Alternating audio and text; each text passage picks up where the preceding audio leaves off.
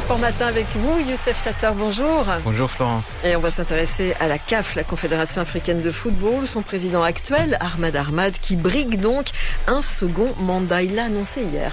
ذلك ما أعلنه رئيس الكونفدرالية الإفريقية لكرة القدم الملغشي أحمد أحمد أعلن الترشح لفترة رئاسية جديدة على رأس الكاف الذي يجري انتخاباته شهر مارس المقبل بالمغرب أحمد أحمد الذي يترأس الكاف منذ مارس 2017 إثر اكتساحه للانتخابات التي وضعته آنذاك وجها لوجه أمام الكاميروني.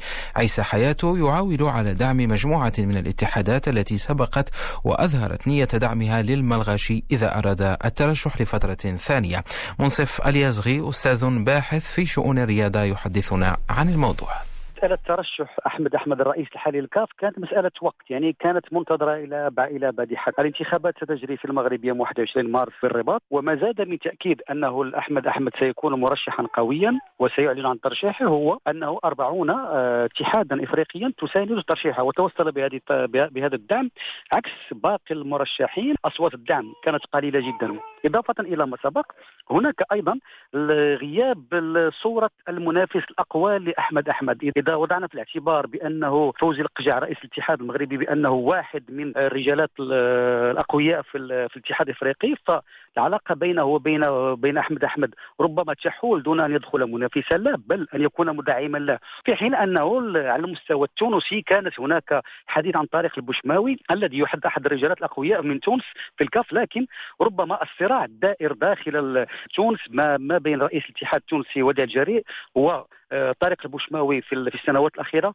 ربما دفعت وديع الجري إلى إعلان نفسه مرشحا لعضوية المكتب التنفيذي وليس لرئاسة المكتب التنفيذي وبالتالي قطع الطريق أمام طارق بوشماوي الذي لم ينل دعم الاتحاد التونسي وهو أمر مفروض في هذه الحالة.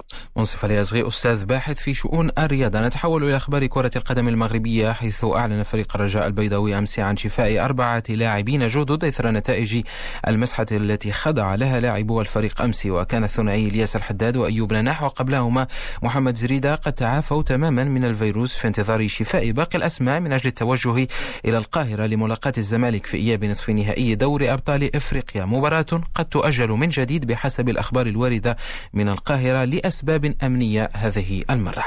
في أخبار سوق الانتقالات عقد فريق نهضة بركان بطل كأس الكونفدرالية الإفريقية منذ أيام مع المدافع الدولي المغربي عبد الكريم بعدي قادما من فريق حسنية أكادير وأعلن الفريق السوسي عبر بلاغ بعد انتقل مقابل مبلغ 200 مليون سنتيم ليصبح التعزيز الأول في الميركاتو الحالي للفريق البرتقالي. نواصل مع أخبار سوق الانتقالات حيث عاد أيوب سكوما إلى فريق الوداد البيضاوي بعد فترة طويلة قضاها مع الفتح الرباطي توج خلالها بألقاب متعددة. سكوما الذي تكون في الوداد يعود إلى فريقه الأم ويعتبر من التعزيزات المهمة في طريق بناء فريق جديد بعد خيبة دوري أبطال إفريقيا أمام الأهلي المصري. أوروبيا الآن انتصار برشلونة التاريخي الأول على أرض يوفنتوس الإيطالي قد ينسي النادي الكتالوني. مشاكله المستمرة منذ نهاية الموسم الماضي ولو آنيا.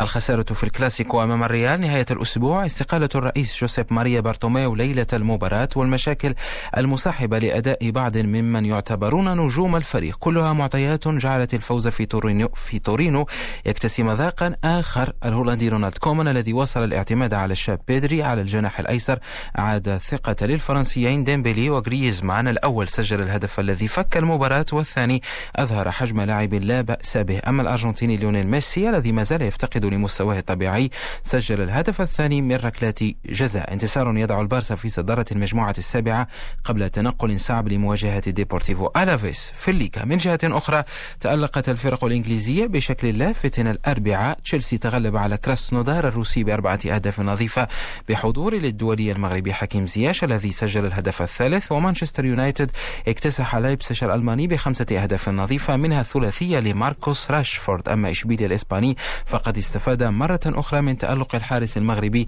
ياسين بونو الذي ساهم في الفوز على رين بهدف دون رد.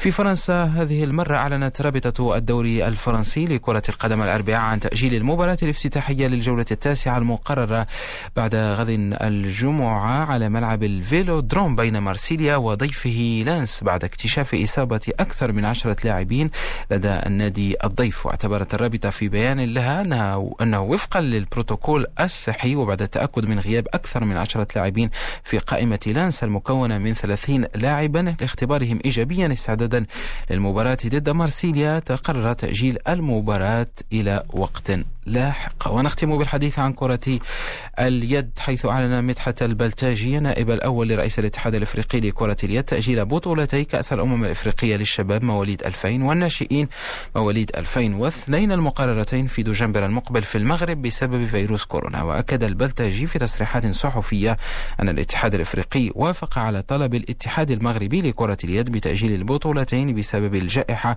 وتمت مخاطبة المنتخبات المشاركة لاختارها بالتأجيل بشكل رسمي. بكرة اليد نضع نقطة نهاية لهذا العدد من صباح الرياضة.